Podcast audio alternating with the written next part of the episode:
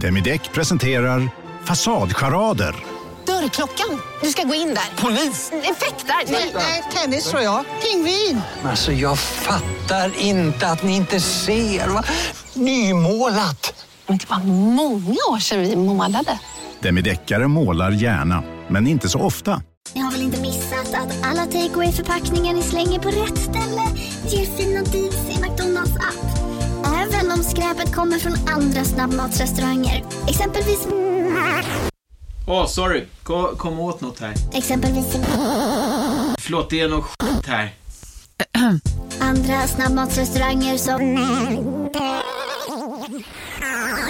Vi, vi provar en talning till. La, la, la, la, la. La, la, la, la.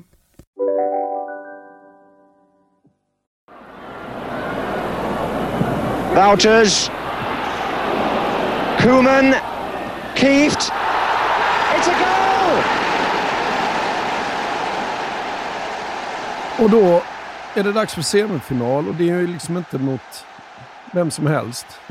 Nej, alltså när Holland mötte Västtyskland 1988, då var nog det den mest emotionellt uppiskade landskamp som spelades i Europa på, säg 20 år i alla fall. Mm. Det mest politiskt laddade mötet fram till det att Jugoslavien föll sönder och de gamla federationsstaterna började möta varandra. För rivaliteten som främst Nederländerna kände gentemot Västtyskland, det var en rivalitet som faktiskt utlöstes av idrott, men som såklart bottnar i något annat och något djupare. För när Holland förlorade VM-finalen 1974 mot Västtyskland, då innebar det ja, men ett nationellt trauma som snabbt kom att kopplas ihop med ett annat nationellt trauma. Den där fotbollsmatchen förvandlades till krigets epilog, det som följde uh-huh. på andra världskriget. Och det fanns något lite egendomligt och svåråtkomligt med det där. För Holland kom att göra de här anspelningarna och dra de här tankesträcken tillbaka till kriget på ett sätt som ingen annan europeisk nation gjorde i samband med fotboll. Och det var så märkligt att de var inte den enda ockuperade staten som hade lidit under tyska militärkängor. Men eh, Frankrike kunde spela en episk match mot Västtyskland och förlora utan att det blev någon typ av nationellt psykodrama.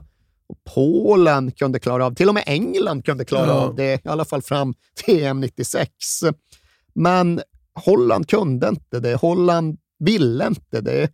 Och det är såklart jätteenkelt att sitta och säga att idrott minsann aldrig ska kopplas ihop med politik och att alla krigsmetaforer i samband med idrott är så oerhört osmakliga och opassande. Men holländarna lyssnade helt enkelt inte 1988, utan deras fotbollsrivalitet gentemot Västtyskland hade fått jag menar, nästan existentialistisk dimension. För det där Cruyff-laget från 1974, det hade varit en symbol för efterkrigstidens återuppbyggnad. Det hade varit en symbol för det unga, kreativa, fria, rebelliska och innovativa Holland. Och när det laget besegrades, då var det någonstans också som att de idealen hade besegrats.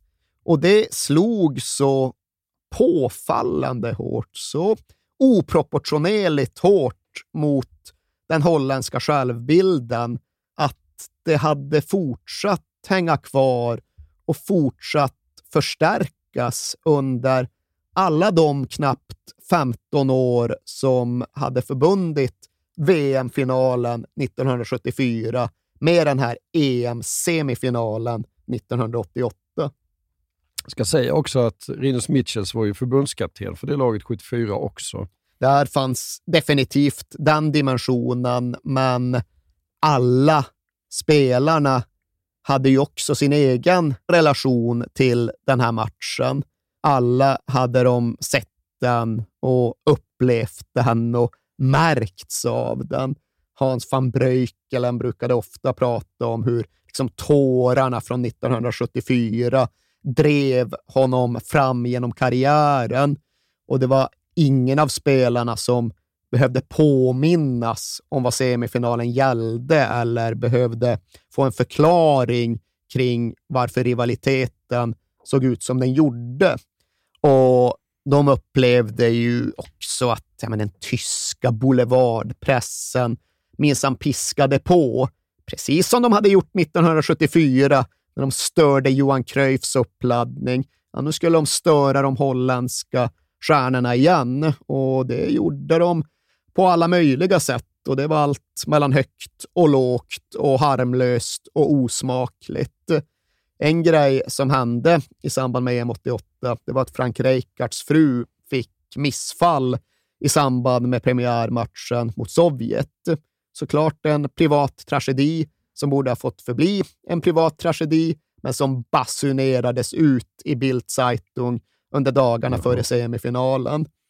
Och ja, Det här var ju en tid då hotelltelefoner fortfarande var en faktor och Rinus Mitchells hade varit inne på att plocka bort alla telefoner ur spelarnas hotellrum, men det hade inte blivit så. Och mitt i natten före match, 01.30 på natten som leder fram till semifinalen, då blir Rodskylligt väckt på sitt rum av att telefonen ringer, av att en tysk journalist har ringt till receptionen, blivit framkopplad, får prata med Rod som är yrvaken. Ja, vad bra, Rod. Kul att du kunde svara. Du, jag tänkte bara kolla en grej. Vilken holländsk klubb var det du spelade för innan du gick till Milan? och, och, ja, det var vad det var. Ja. Hur förhöll sig van Basten till allt det här då? Ja, men lite mer distanserat, lite mer avstängt än många av hans lagkamrater. Han tyckte ju som sagt att det där med att hans pappa hade varit en motståndsman under kriget, ja, men det var han klar med. Det hade ingen betydelse för honom längre, utan han hade på gott och ont den där förmågan att särskilja fotbollen från samhället.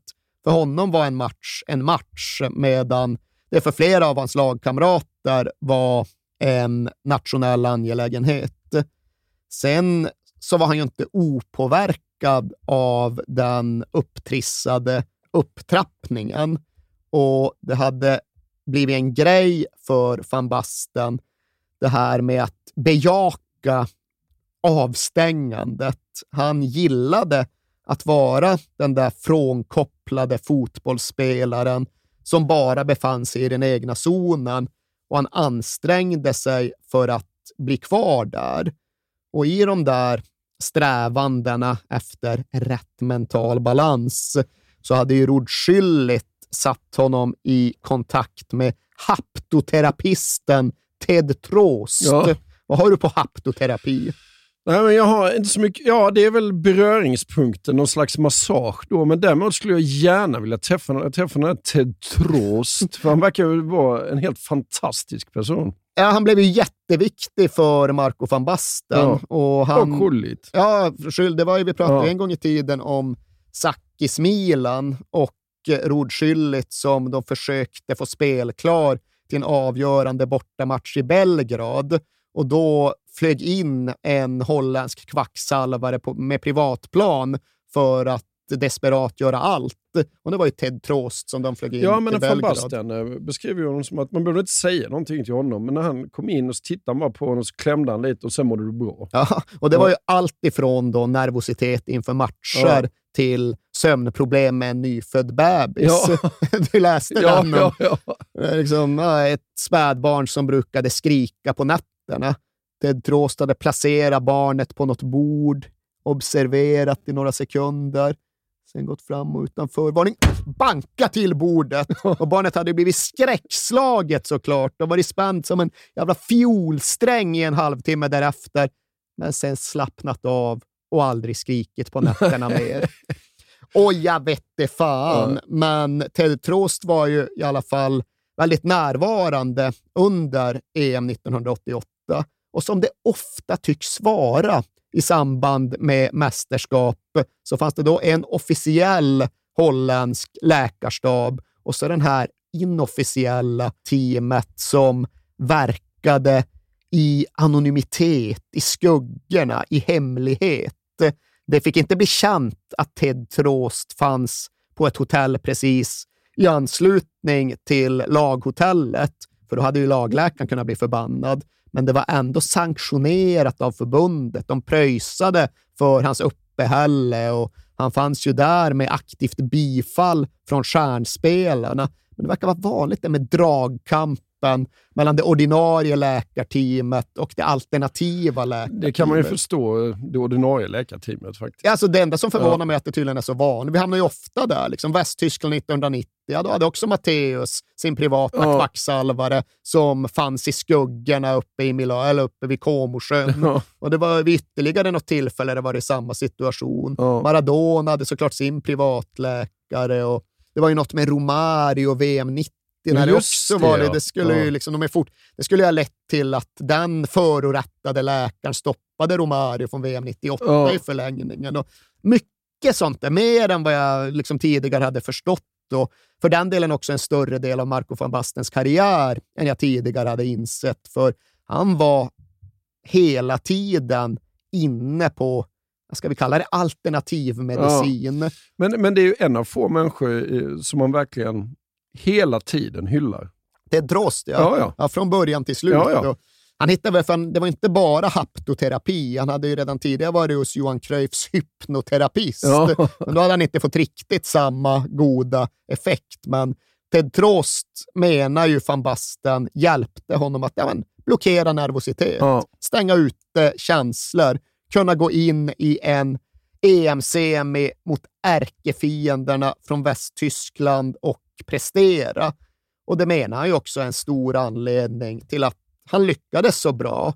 Och det är någonting som man tycker sig kunna känna igen hos andra stora idrottare. Han menar ju att hans psyke påminner väldigt mycket om Roger Federers ja, psyke. Det, det. det är ju något lite lustigt i det där att när Federer hade vunnit någon av alla sina Grand Slams. Jag kan inte skilja dem där, men det var väl någon extra dramatisk match i Australian Open 2009, tror jag det var. Då hade Federer då varit ja, men iskall, fokuserad hela matchen igenom, vunnit. Då hade det brustit, för då hade de släppt ut de känslorna. Ja. Och då tyckte att van Basten att ja, men det där vet jag exakt vad det handlar om. Jag känner precis igen mig i det där. Så då såg han till att skicka ett meddelande till Federer och som han själv uttryckte det, dels för att lyfta honom, men framför allt för att visa att jag förstod. Det var något jag är säker på att han skulle uppskatta. Ja. Och det är möjligt. Federer är en fotbollsman, så ja. han uppskattar nog ett meddelande från van Basten. Ja. Men det finns något i just van Bastens övertygelse om att alla världens stora idrottare verkligen skulle värdesätta en bekräftelse från just honom. Ja, det tror jag fan han har rätt i. Ja, det är väl så. ja. det, är jag som är väl cynisk där jag sitter och tycker jag inte saker för givna. Ja, men matchen blir ju en av de största triumferna i holländsk fotbollshistoria. Den största. Ja. Än idag. Det är så alltså? Ja, men det måste man ju säga. Ja. Det ledde ju fram till en mästerskapsfinal och en mästerskapstriumf. Men framför allt så var det ju då den där uppgörelsen med ett historiskt arv och några historiska nederlag. Och officiellt hade Holland fått 6 000 plåtar, men det sägs väl att de var minst 15 000 inne på arenan uppe i Hamburg. Och det var en av de tyska spelarna, Frank Mill, som fyndigt uttryckte det som så att ja, det hade ju varit bättre ifall vi hade spelat i Tyskland. Men ja, det här var inte en dag då tyskarna kände sig som hemmalag, utan det var en fredlig holländsk invasion och en invasion som i och för sig inte tvekade att göra krigsreferenser. som skanderade om hur det var tyskarna som kom 1940, men hur det var deras tur att komma nu 1988. De hade banderoller uppe på läktarna om hur tyskarna skulle ge tillbaka våra cyklar. För det var tydligen någonting under andra världskriget om att tyskarna tvångskonfiskerade alla holländska cyklar. Och banderoller, liksom Ein Reich, Ein Folk, Ein Schüllit och så vidare. Ja. Och så vidare. Och ja, som du nämnde, Rinus Mitchells kvar sedan 1974. Och Frans Beckenbauer också.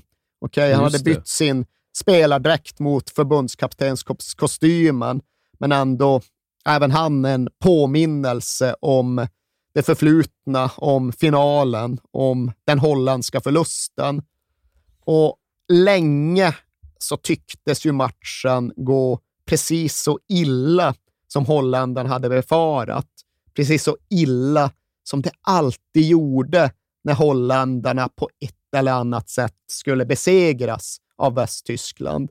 För det där som Lineker brukade tjata om, hur fotboll var ett enkelt spel, 22 man jagar en boll i 90 minuter och till slut vinner tyskarna. Ja. Holländarna kände det ännu mer än vad engelsmännen någonsin gjorde. Och efter en lång period av orange dominans så var det lik förbannat ändå Västtyskland som till sist tog ledningen. Klinsmann får en ganska billig straff, får vi väl säga. Och det är ju ett rumänskt domarteam som de hade också sin väg in i matchen. Matchen som sagt i Hamburg. Rumänerna hade fått sina flygbiljetter av Uefa. Flygbiljetter till Stuttgart. Jaha, tänkte rumänerna. Satte sig på planet, flög till Stuttgart och sen insåg jag, ah, okej, nu är vi i fel ände av landet. Ja. Vi kanske borde ifrågasatt det här innan vi satte oss på planet. Ja, eller också kanske de kan skicka rätt biljett. Jo, det kan man också ja. tycka. Men ja, de får ju ruscha till Hamburg, hinner fram just före avspark och huruvida de är påverkade av det vet jag inte. Men det rumänska domarteamet gör ju en rätt blek match. Första straffen som tyskarna får är verkligt tveksam. Det är den där typen av Klinsmann-dyk som sen skulle tvinga honom till att göra simhoppsgester när han väl flyttade till England. Och liksom en av de holländska spelarna bara sparka bollen på domaren. Just det. ja, det är också, hur fan kommer man undan med det? Nej. Liksom? Det är ju Nej. rött kort alla dagar i Ja, ja, veckan ja. idag. Ja. Men de kommer undan med det, men förhindrar inte faktum. Låta Matteus gå fram och det är inte direkt så att låta Matteus missar i det läget. Ja, men han är nära. Ja, van Breukelen är ju på Ja. bollen. Van Breukelen, sjövild van Breukelen, Ja. håller på att rädda, men det är klart att den går in. Och det är klart att det är Lothar Matthäus, den tyskaste av alla tyskar, som gör målet. Ja. Och det är klart att Holland kommer falla igen. Det är ju bara det att den här gången så blir det faktiskt inte så.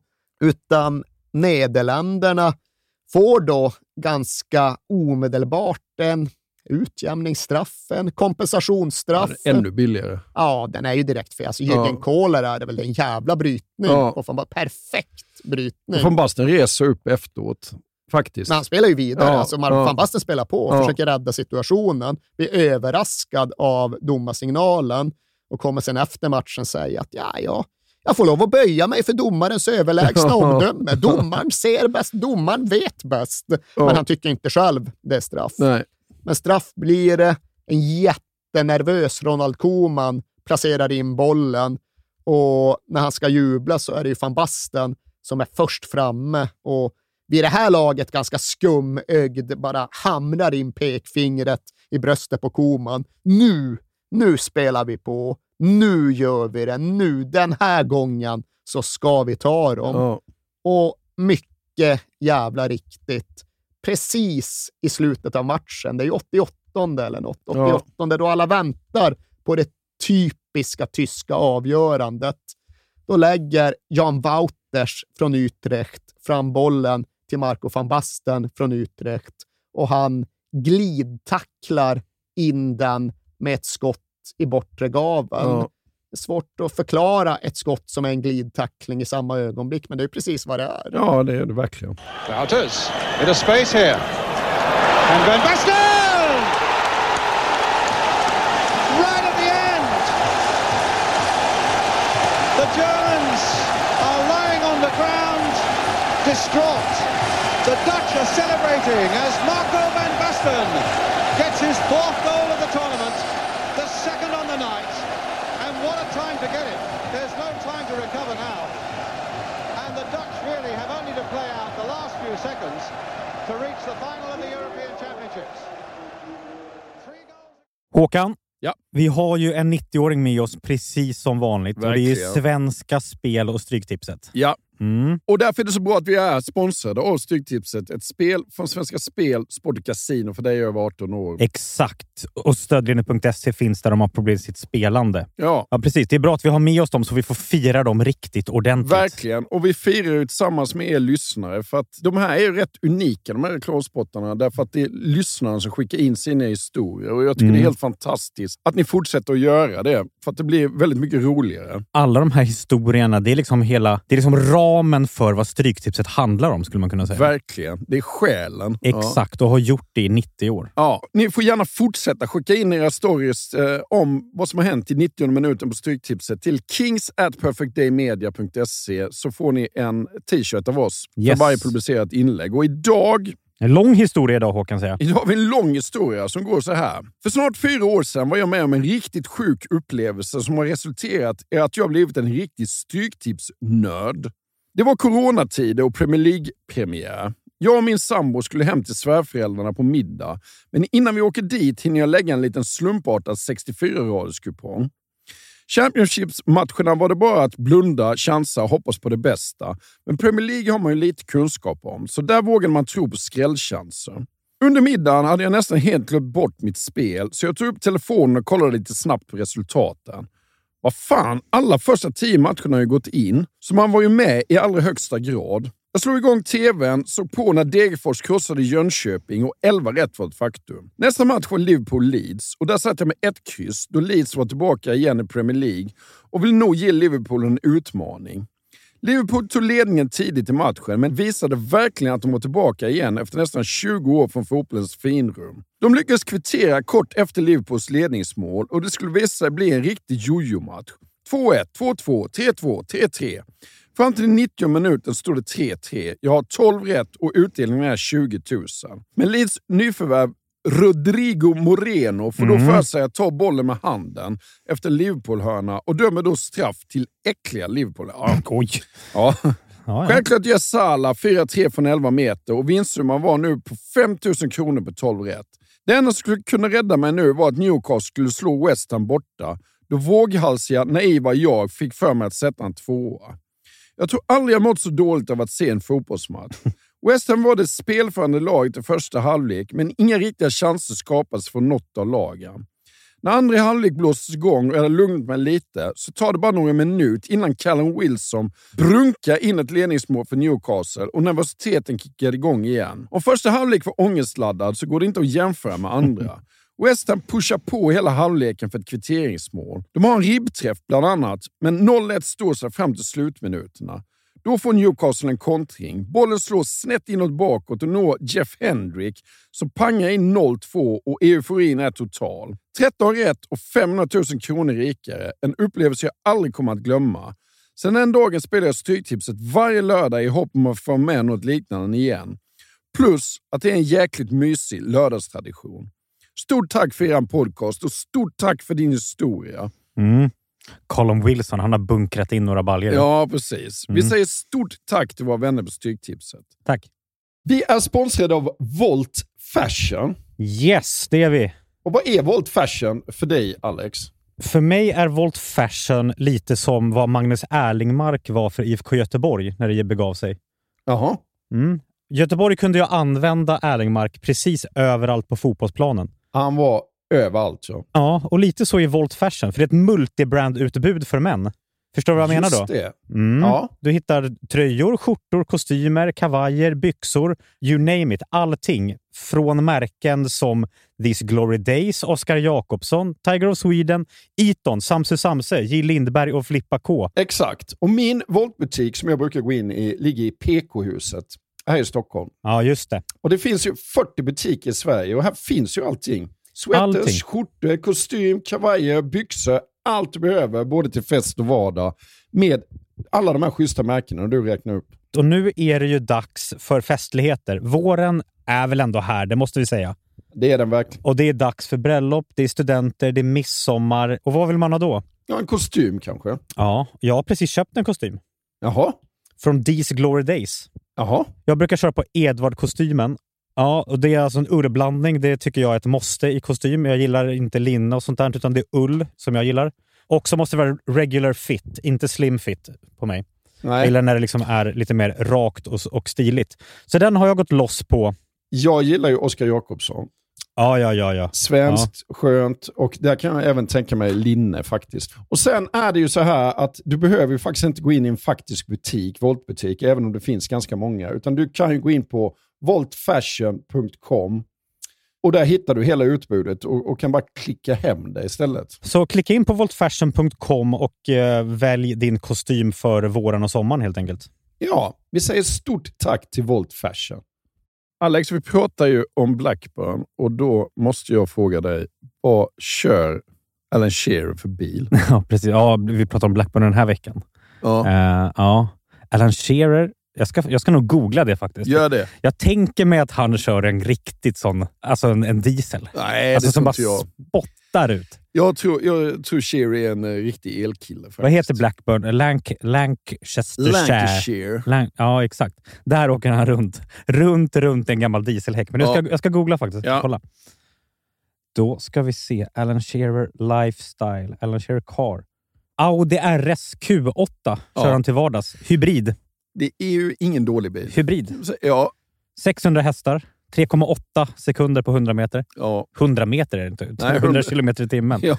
Vridmoment 800 NM. Men Säger varför pratar vi om ingenting. detta? För att vi är sponsrade av Kala. Ja, och på, det är mycket möjligt att han har insett hur jäkla smidigt det är att köpa sin bil på Karla. Exakt. Hur skulle Alan Shearer säga Kala med C? Karla. Carla. Karla. Ja. För att vi har ju eh, i tidigare eh, spottar berättat om att det är världens bästa biltjänst. Mm, Med 4,8 i. Trustpilot. Mm. Därför att vi som tycker det är jobbigt att köpa och sälja sin bil framför allt, med allt mäkt det innebär, så innebär Karla att de sköter allting åt dig. Mm. Så går du i eh, tankar med att sälja din bil och kanske vilja skaffa dig en elbil eller en elhybrid så ska du gå in på karla.se. Jag är lite sugen på att skaffa en laddhybrid. Ja. En sån Audi. Ja, ja, ja. Jag tror inte riktigt att jag kanske har råd med det den. tror jag inte du riktigt men jag, men jag tror att Karl har ett bra spann på bra eh, laddhybrider faktiskt. Ja. Mm. Om du går in på karla.se och knappar in din bils info så får du en snabb och gratis värdering och ett bud på din bil. Mm. Väljer du att acceptera budet så får du gratis upphämtning av din bil i hela Sverige. Och pengarna på kontot direkt vid upphämtning. Mm. Alltså det kan inte bli smidigare än så. Och Karla sköter allt från pappersarbete till dammsugning av baksätet. Ja, alltså det, det Det slipper jag världsklass. gärna. Alltså. Ja. Och när du ändå är i farten så kan du kika om du hittar någon ny drömbil på Karla. Audi RS Q8. Exakt. Du kan då använda din gamla bil som inbyte och endast betala mellanskillnaden om du vill köpa en ny. Kör du till exempel runt i en gammal dieselhäck så är det hög tid att uppgradera till en elbil eller laddhybrid. Eller Alan Shearers bil då. Vem i Blackburns lag från 1995 kör runt i en gammal dieselhäck idag, tror du? Jag tror faktiskt ingen gör det. Tror du inte? Nej. Ja, jag tror i alla fall att anfallspartnern där till Alan Shearer, Chris Sutton, han kör runt i en gammal dieselhäck. Ja, då är det hög tid för honom att gå in på karla.se. Verkligen. Vi säger stort tack till karla.se. Tack.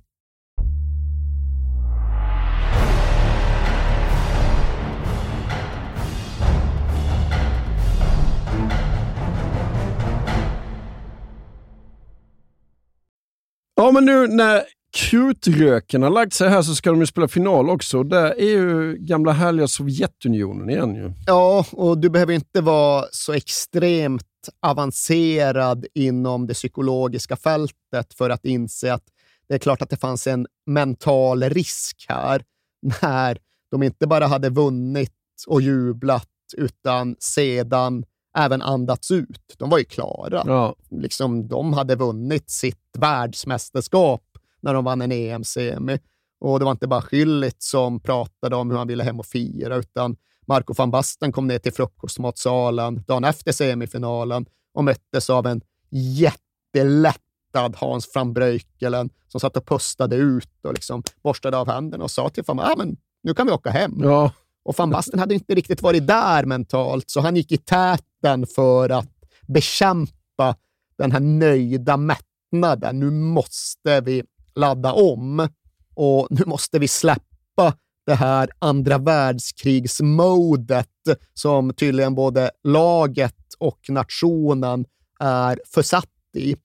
Och hur lättar man egentligen på krigsknutarna några dygn före en EM-final?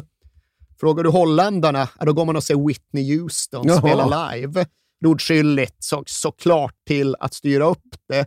Och det tyckte väl vissa lät kul och vissa andra tyckte inte det lät så kul, men de allra flesta hakade på i alla fall och såg Whitney Houston och blev häpna när ja, men hela den här jävla arenan fullproppad med tyskar vände sig mot dem och ger dem en stående ovation när de kom in i lokalen. Ja, snyggt. Ja. Snyggt. Och de bara, "Jaha, oj, vi, vi som trodde att vi var mitt uppe i ett fotbollskrig Ja. här, men det kanske är över med just den grejen och vi kanske bara kan spela en rätt vanlig match i finalen då. Och ja, Schillit i alla fall, han menar ju att det där med Whitney Houston, det var viktigt för att hitta rätt nivå inför den avslutande matchen. Ja. Och finalen är ju i, på Olympiastadion i München, där de förlorade finalen 74. Ja, vissa ekon, de klingade vidare. Ja. Men finalen som sådan, ja, det, det höll ju på att bli den där typen av match som ja, men faktiskt hade bleknat bort i jämförelse med semifinalen ifall nu inte det där enda magiska ögonblicket verkligen hade inträffat. Och det är väl dit vi tar oss direkt. Vi behöver inte köra finalen anfall för anfall. Vi behöver inte fastna vid faktumet att Oleg Kuznetsov var avstängd och det gjorde det enklare för holländarna. Fan, alltså, de fick sätta in en tatarisk georgier istället för Kuznetsov. Man vill stanna vid det faktumet. Ah, ja. Vi behöver inte säga så mycket om det holländska 1-0 målet, även om det är en fin assist av van Basten och en jävla kraftfull nick av Rod Schüllit. Ja.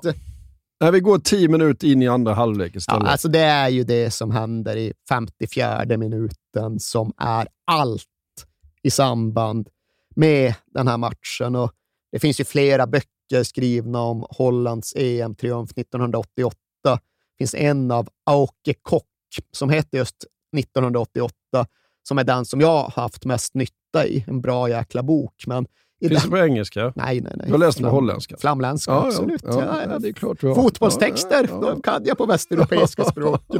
Men den boken innehåller då bland annat en 17 sidor lång redogörelse för det holländska 2-0 målet. Och det är ju då ganska detaljerat, får man lov att säga.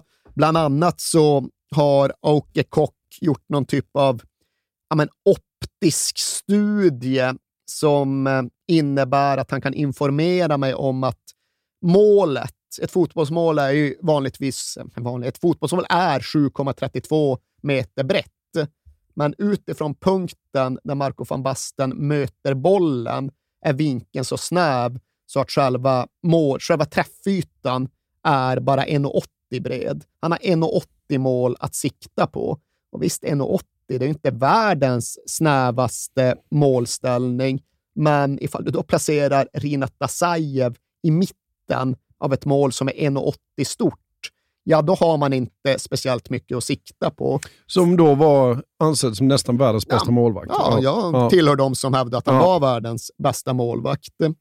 Och till saken hör då också att eh, holländska mittfönstern Arnold Myren alldeles nyss ja, men har tagit ett felbeslut.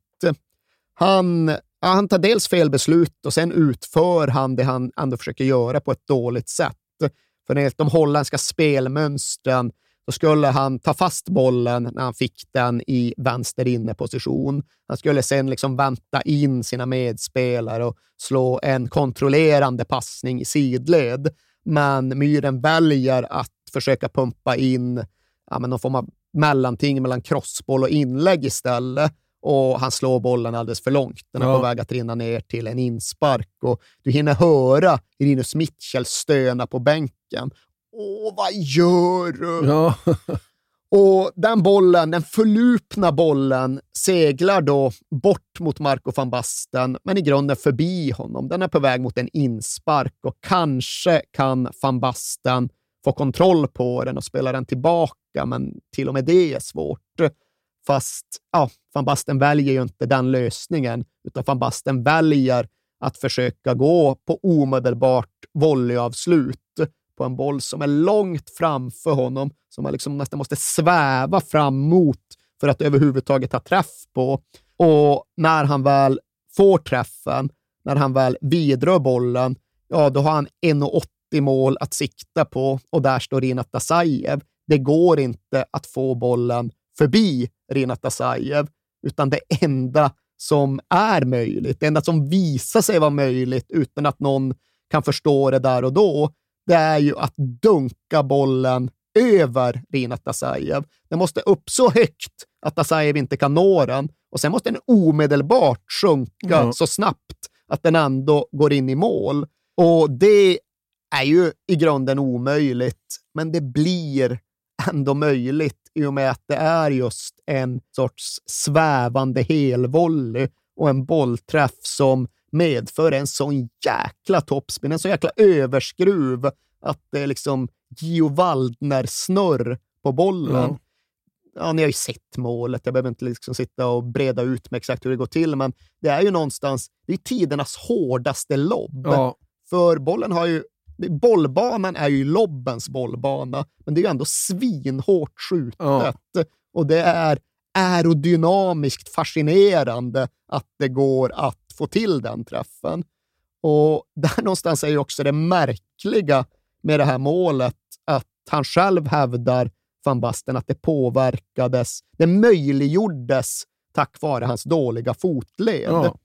För han hade ju inte längre riktigt full rörlighet i vristen, utan den var lite stelare, lite stummare än en frisk vrist.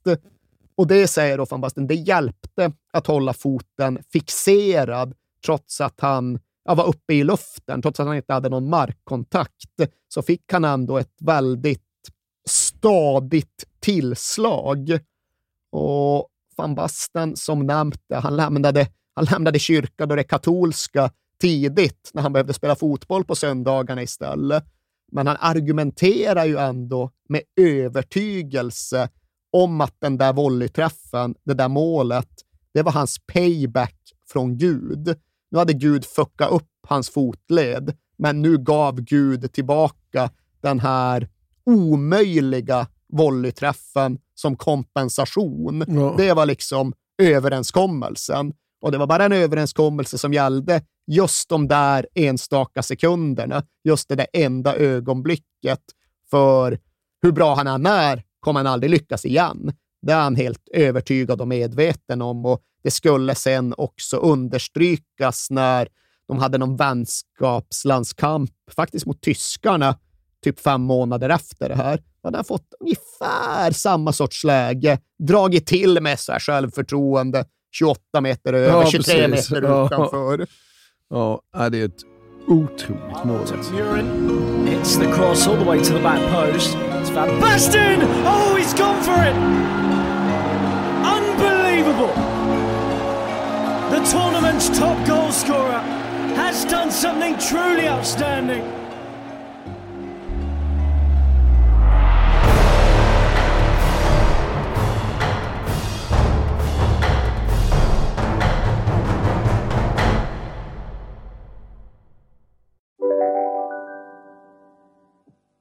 Hej, Synoptik här.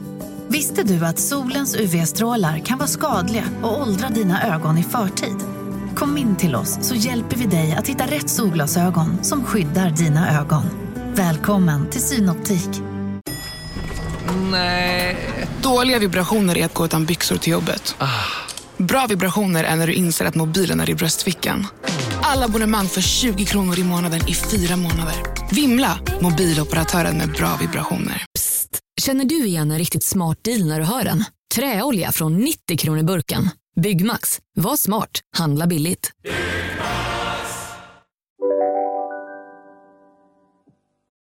Ja, för det kom ju en höst 1992 också. Tysk höst höll jag på att säga. Ja, var det? Ja, nej, Stig Dagerman. ja. Det var en referens som Ja. du tyckte passade in Ja, det här. tycker jag. Ja. Eh, ja, och hösten är ju otrolig för en Marco van Basten som stundtals framstår som ostoppbar. Han har ju matcher som eh, knappt ryms på kartan. Han åker ner till Neapel, möter Jonas Terns Napoli, gör fyra mål. Ja. Sen är det Champions League hemma mot IFK Göteborg och ni vet säkert ungefär hur den matchen Ja. går. Van Basten gör fyra mål på en halvtimme.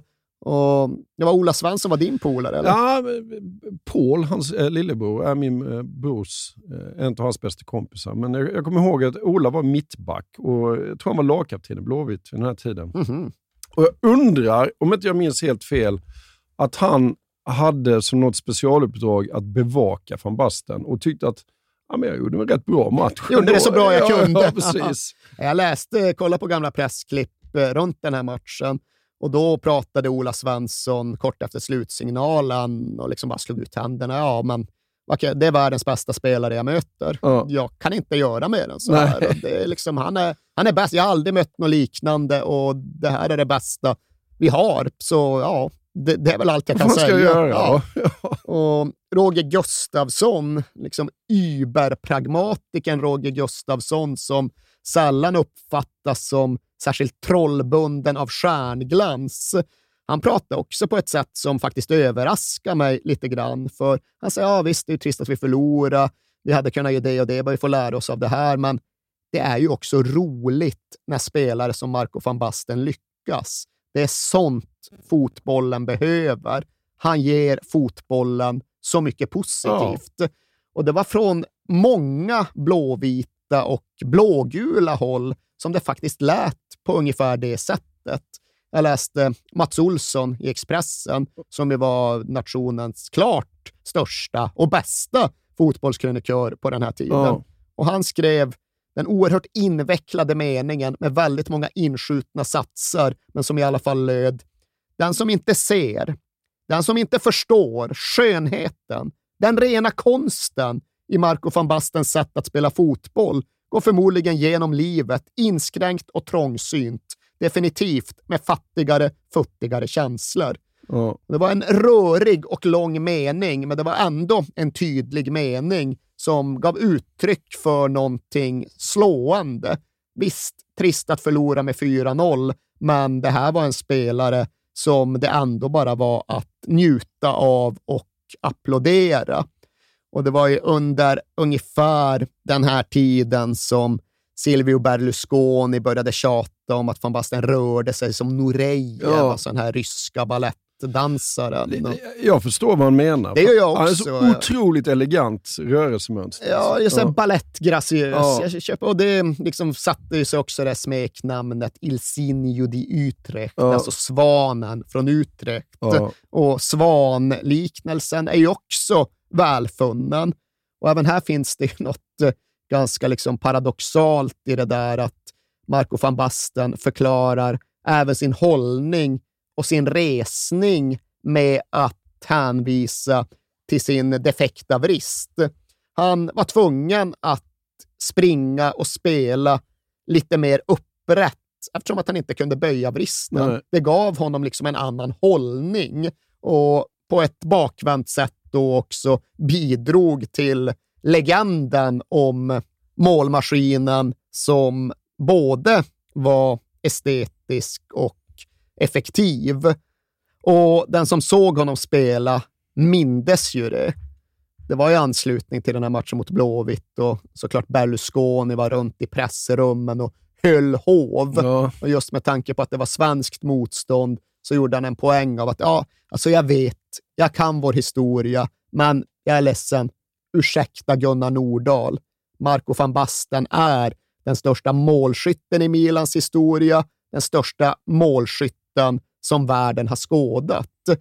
Och hösten 92 så framstod ju inte det här som uppumpade överdrifter, Utan den här hösten, eller den här vintern, då vann ju Marco van Basten än en gång Ballon d'Or. Ja. Det var tredje gången han vann den, men den här gången vann han dessutom det här märkliga priset Fifa World Player, det som inte riktigt finns kvar idag när de har slagit ihop utmärkelsen. Men för honom blev det ju då kvittot och bekräftelsen på att okej, okay, nu är han inte bara bäst i Europa, nu är han verkligen bäst i världen. Ja. Och ingen som såg honom sänka Blåvitt kunde ju bestrida det. Men just den där matchen mot IFK Göteborg, när han gör fyra mål på Thomas Ravelli, varav en bicykleta. Ja, den matchen blev ju också hans sista stora show. För om eländet i Marco van Bastens karriär någonstans började med Malmö FF, ja, då slutade det med IFK Göteborg. Ja, för högervristen krånglar ju igen. Ja, det är fortfarande problem och nu hade det blivit lite värre igen. Inte på något akut sätt, för van Basten hade ju lärt sig att leva och spela med den här vristen. Men det kunde ju kanske ändå vara läge att göra ett lite halvt preventivt ingrepp. Rensa upp lite ja. där inne så att det i alla fall inte skulle bli sämre. Och det var någonstans premissen som gällde när han la sig på operationsbordet i december 92. Ja, men vi gör ett litet ingrepp nu, inte för att det inte funkar, men för att det ska fortsätta funka, för att det inte ska bli sämre. Och istället så blev ju det där ingreppet början till slutet. Ja. Marco van Basten skulle aldrig kunna sparka en boll rent igen. Men den insikten vägrade han ju ta till sig. För även om det inte kändes bra, även om det snarast hade blivit sämre, så krigade han ju sig tillbaka i spel våren 1993. Tog lite längre tid än det var tänkt och det var märkligt vad konstigt det kändes i foten, men nog ska det väl gå att spela på det. Och det medförde ju att han gjorde några matcher våren 93. Capello gjorde ju allt för att få honom tillbaka till Champions League-finalen.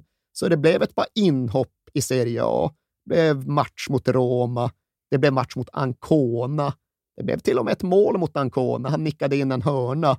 Men det var ju då Marco van Bastens allra sista mål. Sen återstod Champions League-finalen och han kommer till start, men han känner sig inte bra. Han bestämmer sig för att genomföra matchen på smärtstillande sprutor och det hade han ju aldrig gjort Nej. tidigare. Trots all verk i foten, trots all nedsatt funktion, så hade han aldrig spelat på smärtstillande, för han tyckte att det kostade för mycket känsla och han tyckte att han skulle uppleva vad hans kropp faktiskt signalerade till honom. Men den här gången stängde han av. Den här gången så pumpade de in sprutorna i foten på honom, men nederlaget gick inte att förhindra för det. Olympic Marseille vinner igen mot Milan och en mållös Marco van Basten blir faktiskt utbytt i 85 minuten. Och van Basten hade aldrig blivit utbytt under Capello förut, men van Basten hade heller aldrig förlorat en match under Capello Nej. förut. Men det här blev den första förlusten, den sista förlusten, den sista matchen. Marco van Basten haltar, stapplar av planen och när han gör det så befinner han sig på Olympiastadion i München, där han vann EM 1988, där han någonstans hade sin största stund, men när han nu då även har sin sista stund. Och Marco van Basten, han är alltså 28 ja, det är så jävla tragiskt. och ska aldrig spela en riktig fotbollsmatch igen.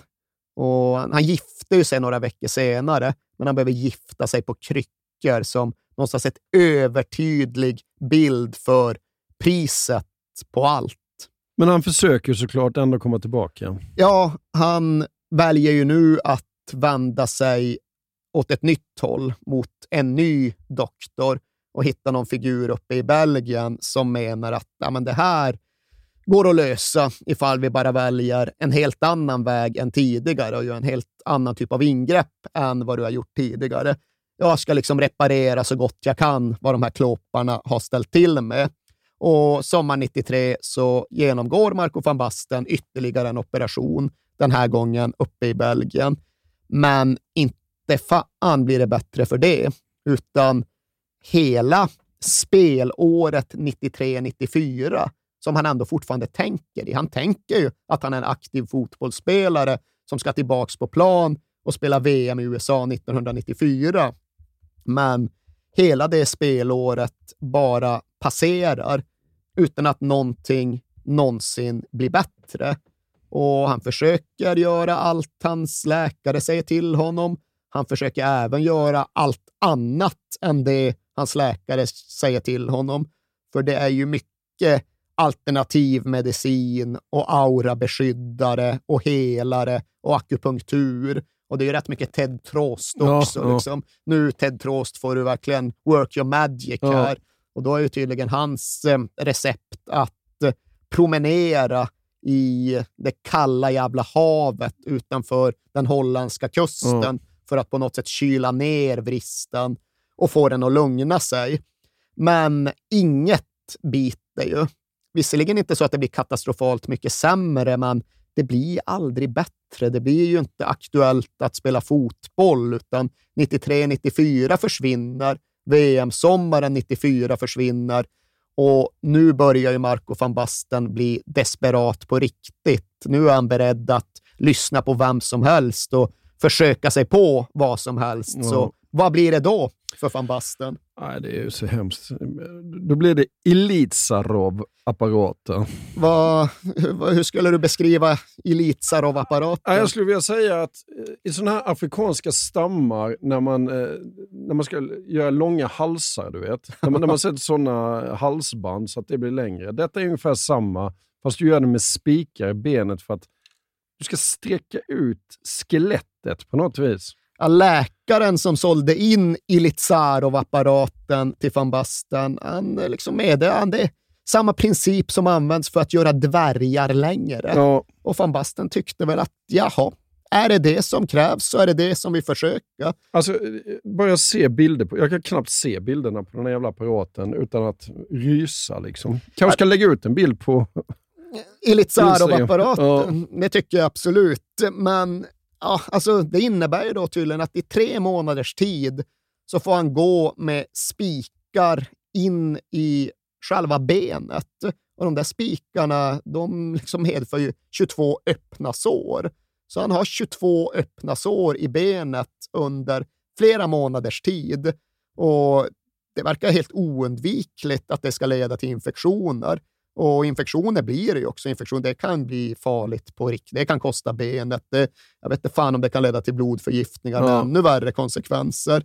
Men jag kan ju också förstå att har man den apparaten och de spikarna och de sår det är inte skitlätt att sova. det är inte skitlätt att leva. Och van Basten beskriver det ju såklart som ett fullständigt helvete. Och efter ytterligare någon liksom så här akut infektionssituation så ja, men det här går, ta av skiten, avbryt, det, det funkar, det, det kan inte vara, jo men det är värt det Marco. Nu är du ändå mer än halvvägs. Ifall du bara biter ihop i fem veckor till, tänk, då har du gått igenom det här. Då kanske du kan spela fotboll igen. Då kanske du kan erövra världen ytterligare en gång. Och på något sätt så blir van Basten övertygad och härdar ut. Och så till sist kommer dagen då Elitsarov-apparaten kan plockas av, resultatet ska bli tydligt och allt har ju blivit mångdubbelt sämre. Ja. Nu är ju inte benet funktionsdugligt Nej. längre. Nu går inte vristen att stödja på. Nu är ju Marco van Basten invalidiserad. Och det är ju liksom, ja, det är lätt att förstå att den perioden har satt spår i honom. För han kan ju berätta om hur nätterna var. Ja, han kan inte gå. Nej. Han är inte kapabel att gå, men han vaknar och han behöver gå på toaletten. Och han kryper ju då i sitt mörka hem, så tyst han någonsin kan, för att inte väcka familjen, från sängen till toaletten. Och han måste hela tiden hålla underbenet uppe För ifall han råkar sätta ner det, då skär det ju som knivar. Då gör det så ont så att han måste skrika och då väcker han familjen. Så krypandes med ena underbenet hållt högt så försöker han häva sig över trösklarna och fram till toalettstolen. Och det är ganska långt från bristen på värdighet i den situationen till att få priset som världens bästa fotbollsspelare ja. lite knappt två år tidigare. Men det är samtidigt ganska långt med två, tre år som inte leder till någon förbättring trots alla ansträngningar, utan som bara leder närmare och närmare den permanenta invalidiseringen. Och du hinner ju tänka ganska mycket under alla de där demonridna, plågade vakennätterna. Och det är väl kanske när van Basten går tillbaks till den här perioden och till tankarna han tänkte då, som jag tycker att han blir som allra mest intressant. Han har ju visserligen kvar något av det där religiösa i sig när han tror på ja, men en typ av karma. Han fick volleyn i EM-finalen 88 som betalning för lidandet han dittills gått igenom med bristerna. Nu är han ju någonstans och trevar vid idén om att han får krypa till toaletten som bestraffning för sitt ego, sin stolthet och sitt driv som satt alla andra på undantag i obetydligheten. Men han är ju också väldigt frank när han resonerar kring sig själv och när han utvärderar sina drivkrafter. Ja, vad, vad var det som tog mig till den här punkten? Vad var det som fick mig att anstränga mig bortom alla smärtgränser? Varför? Ja, först och främst var det nog för att visa min pappa att jag kunde svara upp mot hans förväntningar. Sen var det någon mån även att komma hemifrån. Det var så risig stämning i det där tysta äktenskapets lägenhet att han bara behövde komma bort och komma ut på fotbollsplanen, för där var han fri. Och därefter så menar jag att ja, men det var att tjäna pengar. Ja. Värdesatte den ekonomiska självständigheten så högt att den verkligen drev honom långt fram genom karriären. Och ja, där någonstans ligger ju Marco van Bastens egna slutsatser. Vi kan tycka att det fanns annat i hans liv och i hans uppväxt som kanske borde satt djupare spår och inneburit starkare drivkrafter, men för honom, inför sig själv och inför hans gud, då var det liksom visa pappa, komma bort och tjäna pengar som hade varit grejen. Ja. Men oaktat detta så kom såklart Marco van Basten till sist till en punkt och en dag då han inte kunde fortsätta lura sig själv eller någon annan längre. Utan då bestämde han sig bara, från en dag till en annan, att det här går ju inte. Det här är slut och nu sätter vi punkt. Så den 18 augusti 1995, då återvände Marco van Basten till Milano och till San Siro. Men han gjorde det som en före detta fotbollsspelare. Han gjorde det för att tackas av i rosa skjorta och skinnjacka snarare än för att spela någon fotboll. Och det där är ju lite besynnerligt när man ser det, för van Basten har skildrat en verklighet då han inte kunde gå. Han eh, behövde krypa fram eller gå på kryckor eller möjligen stappla sig försiktigt fram några meter. Men när han nu återvänder till San Siro och är ute på gräsmattan, ja, då kan han ju jogga ganska ja. fritt och obehindrat. Och så var ingen förklaring till det, utan det är återigen någon typ av liksom, gudsingivelse som gör honom fri precis just i den där enda Men det är klart att det är ett jävla sorgligt tillfälle. Mm. Fabio Capello ska ju ha gråtit. Nej, det gör han. Jag har kollat. Ja, det, det, det finns tv på det. Jag tror jag ska lägga ut det också. Och Det är väl enda gången Capello har gråtit i sitt liv. Ja, ja jag misstänker det. Men det är ju begripligt för i en fotbollskontext, för den delen i en mänsklig kontext, så är det ju en tragisk, tragisk stund. Som Marco van Basten själv säger, den dagen dog jag som fotbollsspelare och jag var gäst på min egen begravning.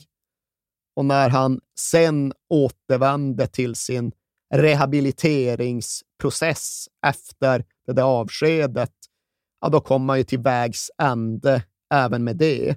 För den läkaren som då var inne och kollade, han konstaterade att ja, den här foten är ju så sargad att det är en 80-årings fot, en 80-årings benskörhet och försöker du gå på den framöver så kommer den bara gå av mest hela tiden. Så egentligen finns bara ett alternativ och ja, det är att steloperera Ja. den.